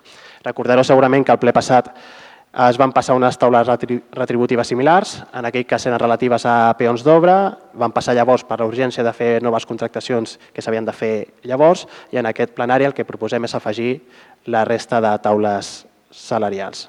Posicionaments? En contra. Nosotros decimos que un equipo de gobierno progresista no debería proponer estas diferencias salariales. Los trabajadores contratados eventualmente tienen que percibir las mismas retribuciones económicas que los trabajadores fijos de plantilla. Igual trabajo, igual salario. Esquerra? A favor. Ciutadans? A favor. PSC? A favor. Amb el vot contrari de, de SOM i el vot favorable de, de la resta, queda aprovat aquest punt. Ara ja passem al punt de les mocions. La primera d'elles, presentada per Ciutadans, relativa a la defensa de la igualtat de tracte entre parelles de fet i matrimonis en l'accés a la pensió de viduïtat.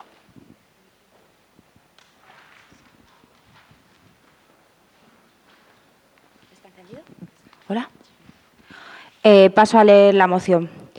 Eh, moción para la defensa de la igualdad de trato entre las parejas de hecho y los matrimonios en el acceso a la pensión de viudedad. Actualmente se da en España una situación de grave desequilibrio entre ciudadanos que deciden contraer matrimonio y aquellos otros que optan por registrarse oficialmente como parejas de hecho. Esta situación es generada por las deficiencias que la actual legislación en materia de parejas de hecho lleva aparejada en cuanto a los requisitos de acceso a la pensión de viudedad. La decisión de constituir pareja, de hecho, todavía acarrea importantes diferencias en coberturas y protección. El Real Decreto Legislativo del 8-2015, por el que se aprueba el texto refundido de la Ley General de la Seguridad Social, que regula el derecho de las parejas de hecho a tener acceso a la mencionada pensión, en su artículo 221 incluye las condiciones que las parejas de hecho deben cumplir para poder acceder a la pensión de viudedad. Entre los mismos se impone la necesidad de que dichas parejas estén constituidas por un periodo mínimo de cinco años, De igual modo, se establece que los ingresos económicos del miembro de la pareja de hecho superviviente no alcanzará durante el año natural anterior al fallecimiento del, al 50% de la suma de los propios y, y de los del causante en el mismo periodo, o el 25% en el caso de la existencia de hijos. Al valorar los ingresos, la ley no tiene en cuenta si la situación del sobreviviente al momento de la muerte es permanente o de carácter meramente circunstancial, con lo que únicamente se tienen en cuenta los ingresos de la del miembro que sobrevive en un periodo determinado, el año anterior a la muerte, convirtiendo la situación en completamente injusta para quienes optan por este tipo de unión de parejas. En el caso concreto de que no se cumplan estos dos últimos requisitos, solo se reconocerá el derecho a pensión de viudedad cuando los ingresos del sobreviviente resulten inferiores a 1,5 veces el importe del salario mínimo interprofesional. Si bien esta última cláusula se establece en un intento de salvaguardar la pensión en los supuestos de necesidad económica, la intencionalidad final de la norma no es tratar de garantizar un mínimo vital, sino la de evitar la desprotección de la familia, al producirse una reducción de sus ingresos a causa del fallecimiento del cónyuge. Los requisitos señalados suponen una clara vulneración del artículo 14 de la Constitución, por medio de la cual se proclama el principio de igualdad. La pensión de viudedad tiene una naturaleza contributiva de la que la persona se beneficia por lo que cotizó el cónyuge fallecido en vida. Es por este motivo, al igual que ocurre en el caso de los matrimonios, que una persona que ostente el derecho a la pensión puede compatibilizarla con las rentas del trabajo, no teniendo sentido que establezcan condiciones más gravosas a las, de uniones de hecho. Por ello, proponemos al Pleno del Ayuntamiento la adopción de los siguientes acuerdos. Instar al Gobierno de España a la modificación de los correspondientes preceptos del Real Decreto Legislativo 8-2015 y de todas aquellas normas relacionadas con él, para equiparar los derechos en el acceso de la pensión de viudedad de las parejas de hecho con el de los matrimonios civiles. Y dos, instar al Gobierno de España a que en un plazo máximo de un año apruebe un proyecto de ley de parejas, de hecho, por el que se incorpore en el Código Civil una regularización de régimen de la pareja, de hecho aplicable en todo el territorio nacional, así como que incorpore las modificaciones oportunas en otras normas para evitar cualquier tipo de discriminación jurídica de las parejas de hecho frente a los matrimonios por razón de su estado civil o de la naturaleza o formalidad de su relación de convivencia, cuando concurran el resto de requisitos que se establezca en cada caso. Gracias. A favor.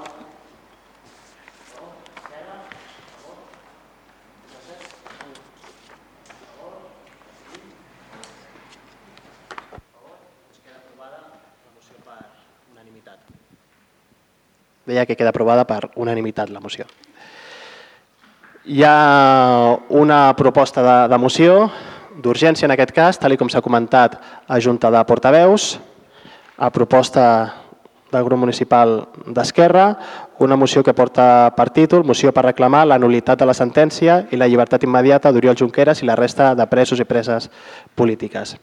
Abans de passar al contingut, hauríem de votar la seva urgència. Votem la urgència per part de SOM.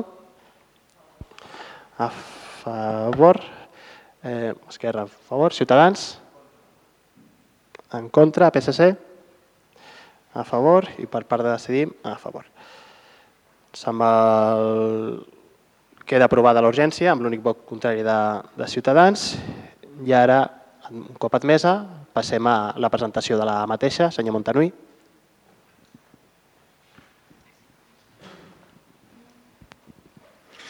Gràcies, senyor alcalde. El Tribunal de Justícia de la, Unió, Europea ha dictat sentència en data 19 de desembre del 2019 que reconeix la immunitat d'Oriol Junqueras. La justícia ha arribat des d'Europa, determinant que la immunitat d'un eurodiputat és vigent des de que els proclamen de forma definitiva els resultats de les eleccions, desvinculant-lo del procediment intern dels estats membres. Això significa, per tant, que des del passat mes de maig, quan es van celebrar les darreres eleccions europees, Oriol Junqueras i la resta de polítics catalans escollits, com els eurodiputats Carles Puigdemont i Toni Comín, han vist vulnerats els seus drets. És el torn, per tant, de la justícia espanyola. Exigim que de forma immediata el Tribunal Suprem apliqui la sentència europea i deixi en llibertat a Oriol Junqueras, anul·lant la sentència condemnatòria en relació al judici de l'1 d'octubre. Amb el reconeixement de la immunitat d'Oriol Junqueras, tot el procediment posterior de la immunitat és nul. D'aquí l'exigència de nulitat immediata de la sentència i l'exigència de la seva posada en llibertat. La sentència del Tribunal Europeu exigeix el deure de col·laboració dels estats i, d'acord amb aquest principi, no hi ha excuses per demorar més la llibertat immediata de l'Oriol Junqueras, respectant la immunitat que se li va reconèixer. Cal destacar també que fins i tot el president del Parlament Europeu, David Sassoli, s'ha pronunciat en el sentit que l'estat espanyol apliqui amb celeritat la sentència dictada pel Tribunal de Justícia de la Unió Europea. Per tots aquests motius exposats anteriorment, es proposa al ple l'adopció dels següents acords. Primer, demanar al Tribunal Suprem que apliqui la sentència del Tribunal de Justícia de la Unió Europea i, en conseqüència, exigir la nulitat de la sentència del judici de l'1 d'octubre i reclamar la llibertat immediata d'Oriol Junqueras. Segon, reclamar que la resta d'independentistes catalans que fins ara han vist negada la seva condició d'eurodiputats, Carles Puigdemont i Toni Comín, puguin adquirir-la de forma immediata, en virtut de la sentència del Tribunal de Justícia de la Unió Europea. Tercer, reconèixer els drets dels ciutadans i ciutadanes que van exercir el seu vot a les passades eleccions europees del 26 de maig a opcions independentistes i reclamar que no veixin més temps vulnerats els seus drets. Quart, instar a l'administració espanyola a aturar la repressió en totes les seves formes, com la inhabilitació del president, del president Torra i l'alliberament immediat de tots els presos i preses polítiques. Cinquè, fer arribar aquest acord a la presidència del Tribunal Suprem, a la presidència del Parlament Europeu i als portaveus dels grups parlamentaris del Parlament Europeu. Gràcies.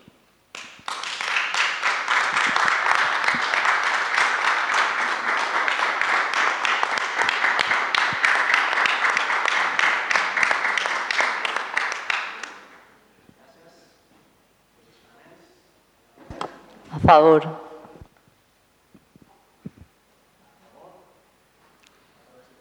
Sí, aviam, nosaltres entenem amb tot el respecte que aquest tema, evidentment, fa bullir l'olla. Eh, però també entenem que es vol confondre l'opinió pública. Està clar que la sentència fa esment a un moment processal concret, que ja va passar, que era el de la presó provisional o la pressió preventiva, i el procés va ser un procés, senyors, amb totes les garanties que hi pot haver en un estat de dret. Per tant, nosaltres no podem confondre l'opinió pública no contribuirem a, a fer aquesta olla i el nostre vot serà contrari. Votem que no. Sí. Bé. Cal acatar totes les sentències, les dictades pels tribunals espanyols i les dictades pels tribunals europeus. Avui això demostra el caràcter garantista del nostre estat de dret Cal recordar que aquesta sentència concreta respon a una consulta que fa el propi Tribunal Suprem espanyol. Per tant, ara correspon al Tribunal Suprem aplicar la sentència del Tribunal, Superior, del Tribunal de Justícia Europeu. Els i les socialistes, com sempre, hem dit i fem, respectem i acatem totes les sentències de qualsevol estat democràtic, de dret, sigui quina sigui. I en aquest cas és més motiu vingui d'una instància superior com és el Tribunal de Justícia Europeu. Això no treu que en aquesta moció presentada es fa una interpretació molt àmplia del que diu la sentència d'avui del Tribunal de Justícia Europeu i en cap cas aquesta demana la nulitat cap cas demana unitat de la sentència del Tribunal Suprem del passat 14 d'octubre sobre els fets del procés.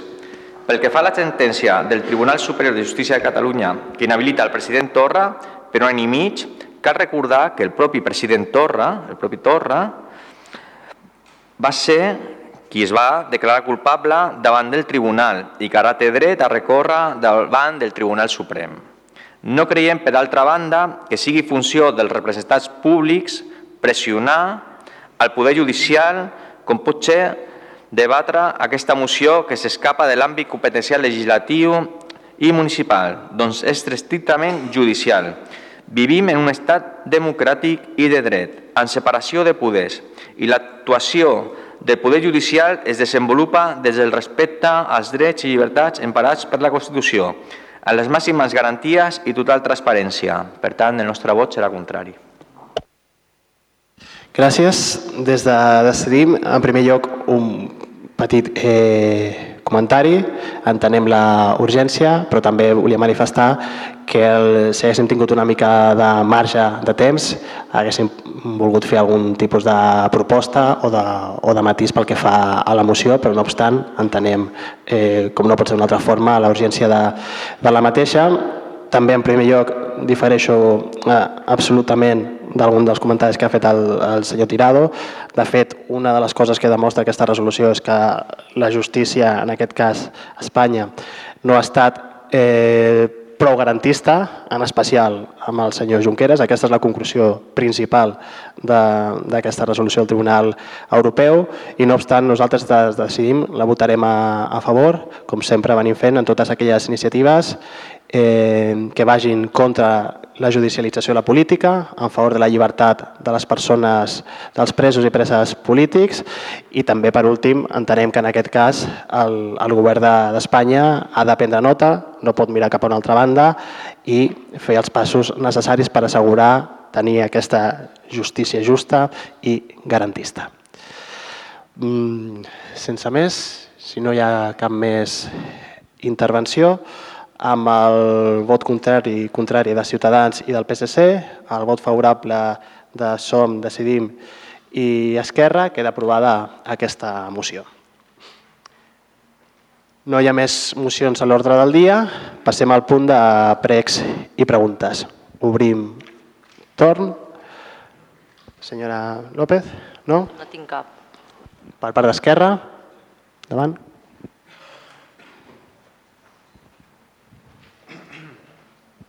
Gràcies. Uh, volem, uh, volem recordar que amb els, darrers, amb els darrers plens ja havíem fet incís en algun moment donat amb les situacions que tenim a diferents punts de la ciutat respecte a la salubritat que hi ha al voltant dels contenidors uh, de brossa. Uh, som conscients que, que s'ha pres nota al respecte, però continuem mantenint la, aquesta informació perquè els escenaris continuen produint-se. Per un altre costat, també voldríem eh, saber com està com s'està portant a terme actualment eh, el tema de la seguretat ciutadana i més en aquest cas particular al final de la Rambla Sant Jordi, del qual ja vam manifestar amb els darrers plens diferents escenaris no desitjats respecte a, la, a les situacions que part del veïnat s'està produint en aquella, en aquella zona i voldríem saber, saber exactament eh, què s'està portant a terme. Gràcies.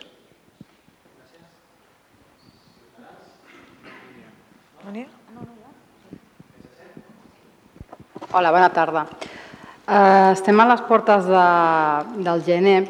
Uh, ens agradaria que ens donéssiu una resposta a aquest ple en referència a l'Escola de Música. M'agradaria que contestés l'alcalde perquè sembla que el regidor d'Educació dona llargues a les famílies. Encara les famílies no tenen resposta de si el servei podrà donar-se al mes de gener, com es va dir a la reunió que va tenir amb les famílies, que es donaria una solució eh, perquè el gener es pogués tenir aquest servei. Mm, moltes famílies eh, han esperat el servei, han confiat en l'Ajuntament i no han buscat un servei alternatiu pels seus fills. I bueno, a la reunió que es va fer a les famílies crec que sí que va, es va assumir una responsabilitat de com havia succeït tot, però crec que les famílies eh, es mereixen una disculpa que no han tingut i bueno, vosaltres direu ara el que està previst i si al gener es podrà tenir aquest servei. Gràcies.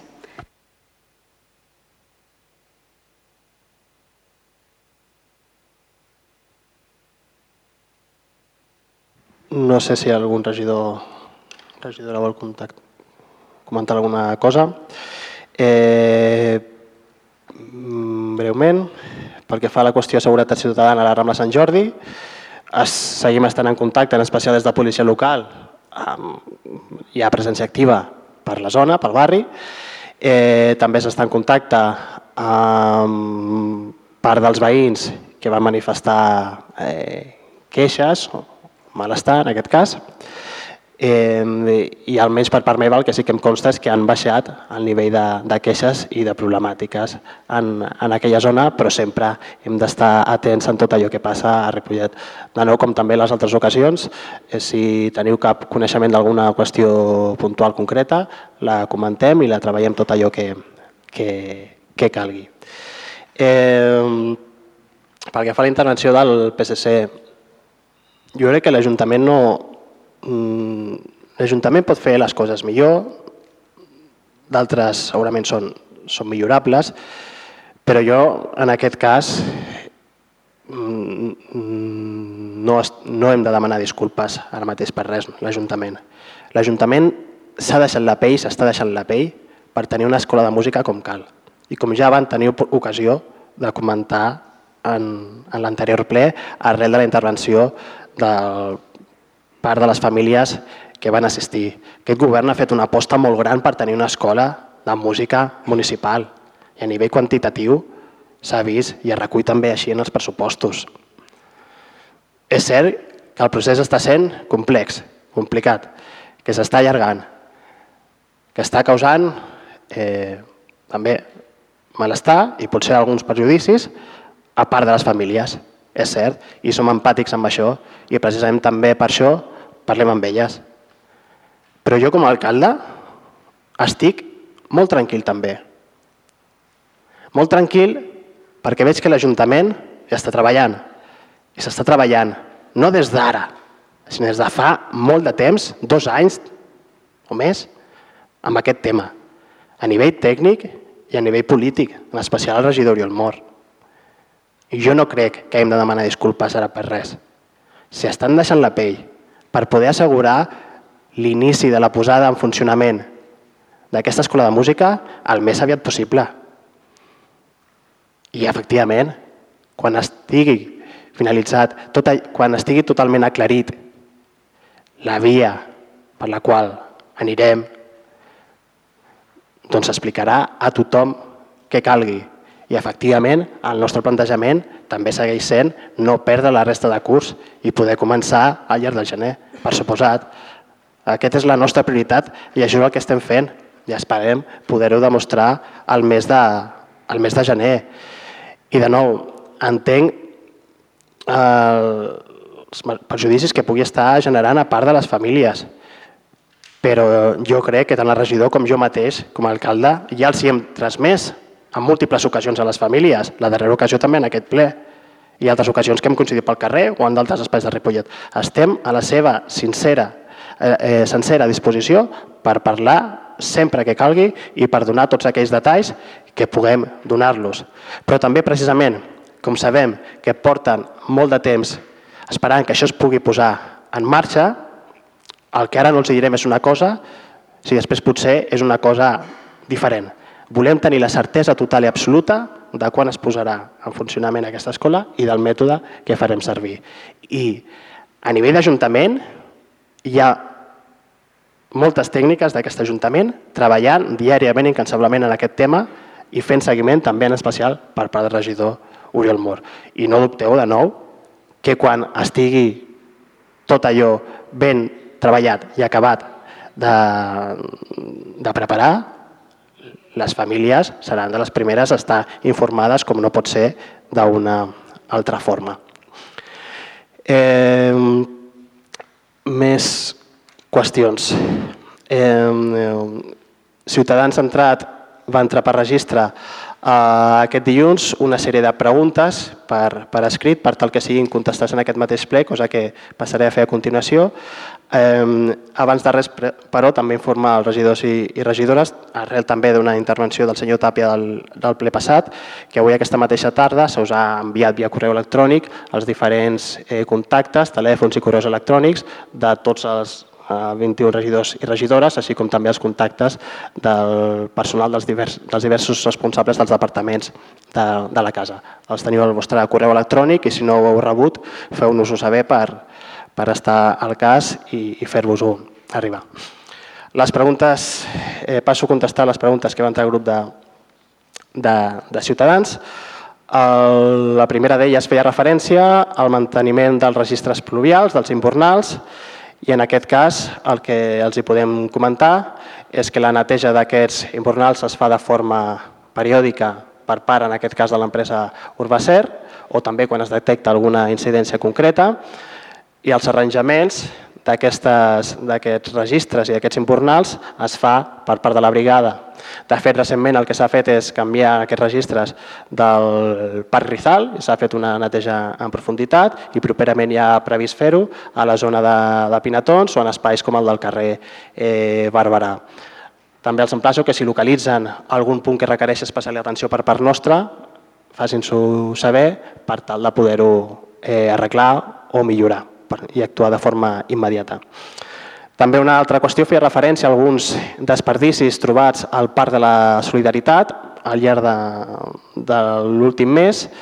Eh, aquí comentar que efectivament es va localitzar la persona que presumptament sembla que deixava aquests desperdicis, es va actuar amb, amb ella i de fet recentment, més recentment i en especial per part de policia local, s'han fet eh, inspeccions i comprovacions del lloc i no s'han tornat a trobar aquests elements. Si en torneu a ser coneixedors d'alguna cosa similar, també a la vostra disposició per prendre nota i fer les actuacions que, talgui, que calguin.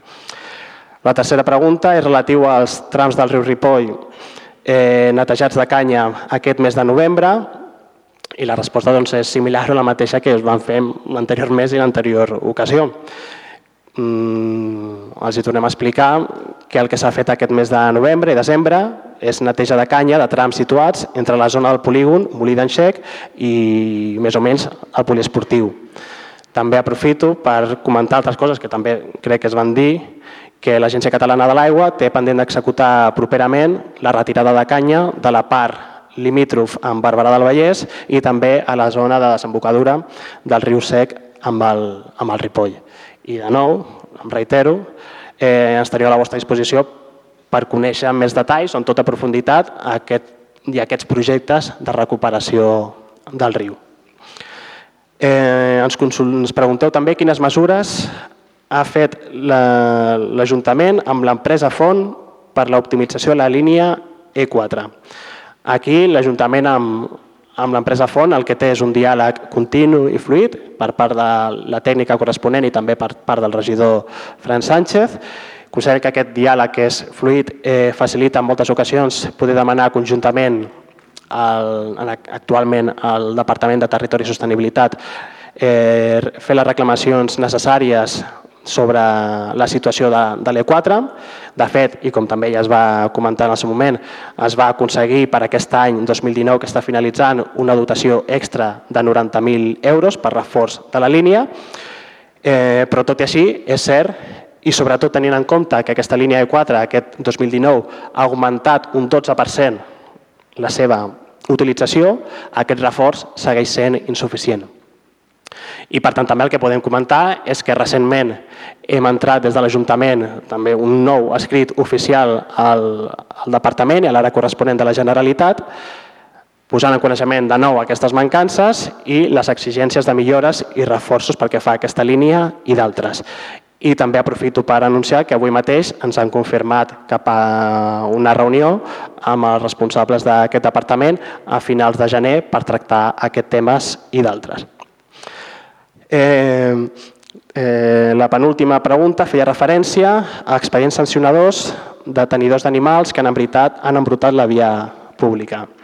Respecte a això, el que els hi podem informar és que durant el mes de novembre Des de policia local s'han obert 44 expedients de tipologia variada, gossos sense lligar o sense morrió, gossos en situació d'abandonament o de deixadesa, també per problemes de soroll amb aquests animals, per no tenir l'assegurança obligatòria per animal potencialment perillós, etc.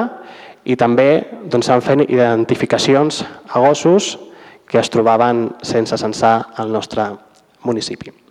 Per tant, hi ha un seguiment continu i constant des de l'Ajuntament i particularment des de la policia local en, tosta, en totes aquestes qüestions. I per últim, eh, pregunteu sobre les mesures eh, portades a termes per aquest govern i per aquest Ajuntament relatives a l'abandonament del pàrquing del Parc del Riu Ripoll, cosa que al despatx d'ofici alguna qüestió també hem comentat. Aquí m'estendré una mica més perquè és un tema complex Eh, recordar que al ple del 31 d'octubre es va aprovar l'inici de la tramitació de l'expedient de resolució del contracte administratiu signat amb Bauvarel i l'Ajuntament.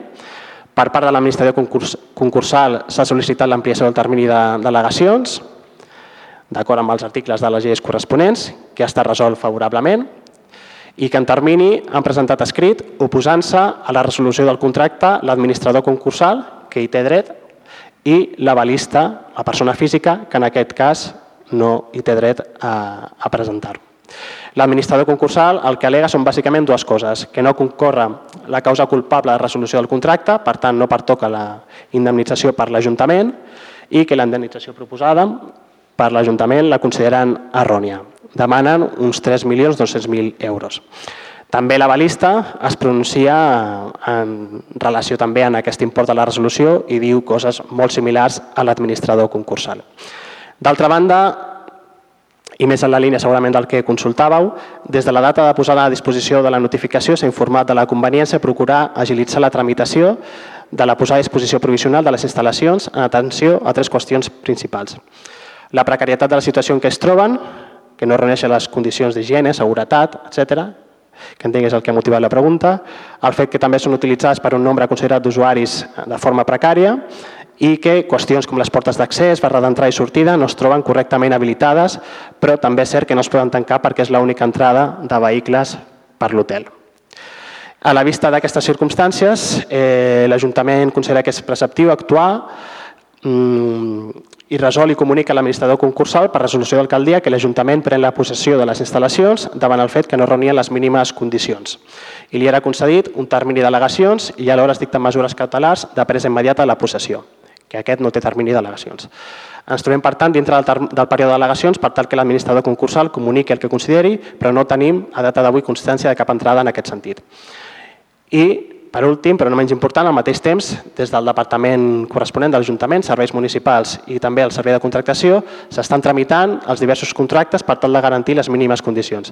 S'està gestionant l'ampliació de l'assegurança de l'Ajuntament, s'ha fet el contracte de manteniment dels extintors, s'ampliarà el contracte actual de la zona blava perquè els concessionaris puguin fer el servei de control d'entrada a l'aparcament. Des de gener l'empresa municipal s'està pressupostant una, una neteja a fons i també el manteniment ordinari posterior i aviat l'Ajuntament farà els encàrrecs a gener per tal d'executar-les. S'ha fet una reparació de mànega d'incendis que estava malmesa i que hi havia perill d'inundació i també s'està tramitant la contractació de les portes d'accés de vehicles i persones i pel que fa de fet a la porta de vehicles és possible que la mateixa brigada pugui fer una mini reparació per guanyar en seguretat. I per últim doncs, també està en preparació els contractes de manteniment de barreres i la màquina de cobrament. De nou, qualsevol dubte o ampliació els teniu a la vostra disposició. No hi ha més preguntes a l'ordre del dia, per tant donem per finalitzat el ple. No obstant, i abans de, de marxar, hi ha presentada per tal d'un ciutadà, el senyor Florentino Melero, que avui ens acompanya, eh, la sol·licitud de formular una pregunta en aquest plenari. Senyor Melero.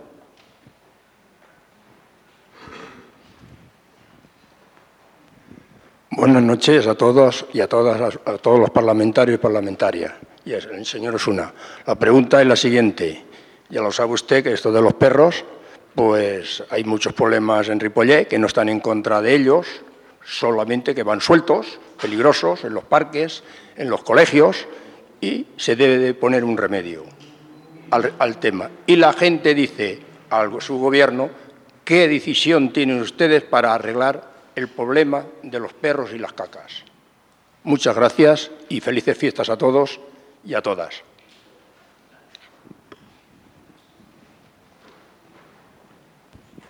Gracias, señor Melero. Eh, bien, en parte, respondiendo a una pregunta anterior de sus compañeros de Ciutadans, pues en una medida la hemos podido responder, ya que ha quedado constancia de las sanciones que, como he detallado, eh, se han impuesto, 44 en el último mes, relativa a diferentes tipologías, eso sí, del tema de tenencia de animales. Eh, y añadirle algunas cuestiones en cuanto a la vigilancia, en el caso de animales, las patrullas de policía local a primera hora de la mañana y a última hora de la tarde, momentos en que se da la mayor concentración de personas paseando animales, también intensifican la prevención por aquellos lugares más transitados con tal de vigilar y evitar cualquier tipo de infracción por parte de los dueños de animales domésticos y, por supuesto, sancionar si se localiza, si se identifica esa infracción. En definitiva, ya sabemos que esta es una cuestión que hace histórica en nuestro municipio, que no es solo eh, propia de, de Ripollet, sino que en todo nuestro alrededor suceden cosas similares. Así que al final entendemos que lo que hay que hacer es seguir con el seguimiento que hace Policía Local, eh, efectuando las sanciones cuando corresponda y seguir haciendo las campañas de concienciación y sensibilización correspondientes. Y que seguro, eso sí, que estas campañas tienen que dar un paso más, una vuelta de tuerca más de las que quizás se han hecho eh, hasta la fecha, sobre todo teniendo en cuenta lo que le decía, que no es un problema únicamente Ripollet, sino que es un problema de nuestras ciudades, de nuestra día a día y de nuestro entorno. Otras propuestas que había sobre la mesa y que se, eh, que se empezó a analizar es todo el tema relativo al análisis del ADN de las cacas de, de los perros.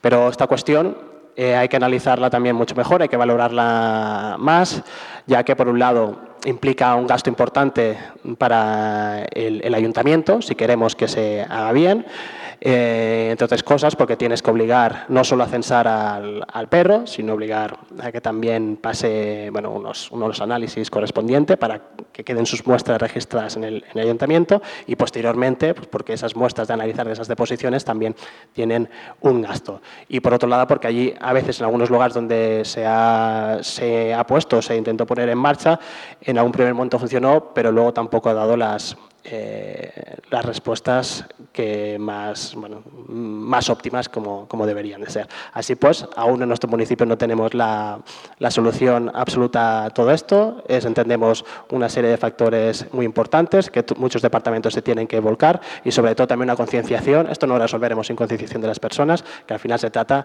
de querer, de cuidar y de mimar tu, tu ciudad. No obstante, de nuevo, podremos seguir hablando siempre que usted, señor Melero, lo considere. Molt bé, doncs no n'hi ha cap més qüestió i de nou, i sumant-me a la petició del Florentino, a la comentari del senyor Florentino Menero, desitjar-vos unes molt bones festes, molt bon Nadal i una encara millor entrada d'any 2020 a tots i totes. Moltes gràcies i fins aviat. Fins aquí la retransmissió de la sessió plenària de l'Ajuntament de Ripollet d'aquest 19 de desembre, una sessió marcada especialment per l'aprovació del pressupost municipal de l'Ajuntament per aquest pròxim 2020. Fins aquí el que ha donat de si el seguiment de la sessió. Eh, S'acomiaden des del control de so en Jordi Puy i des de la sala de plens Toni Miralles. Bona tarda i també bones festes.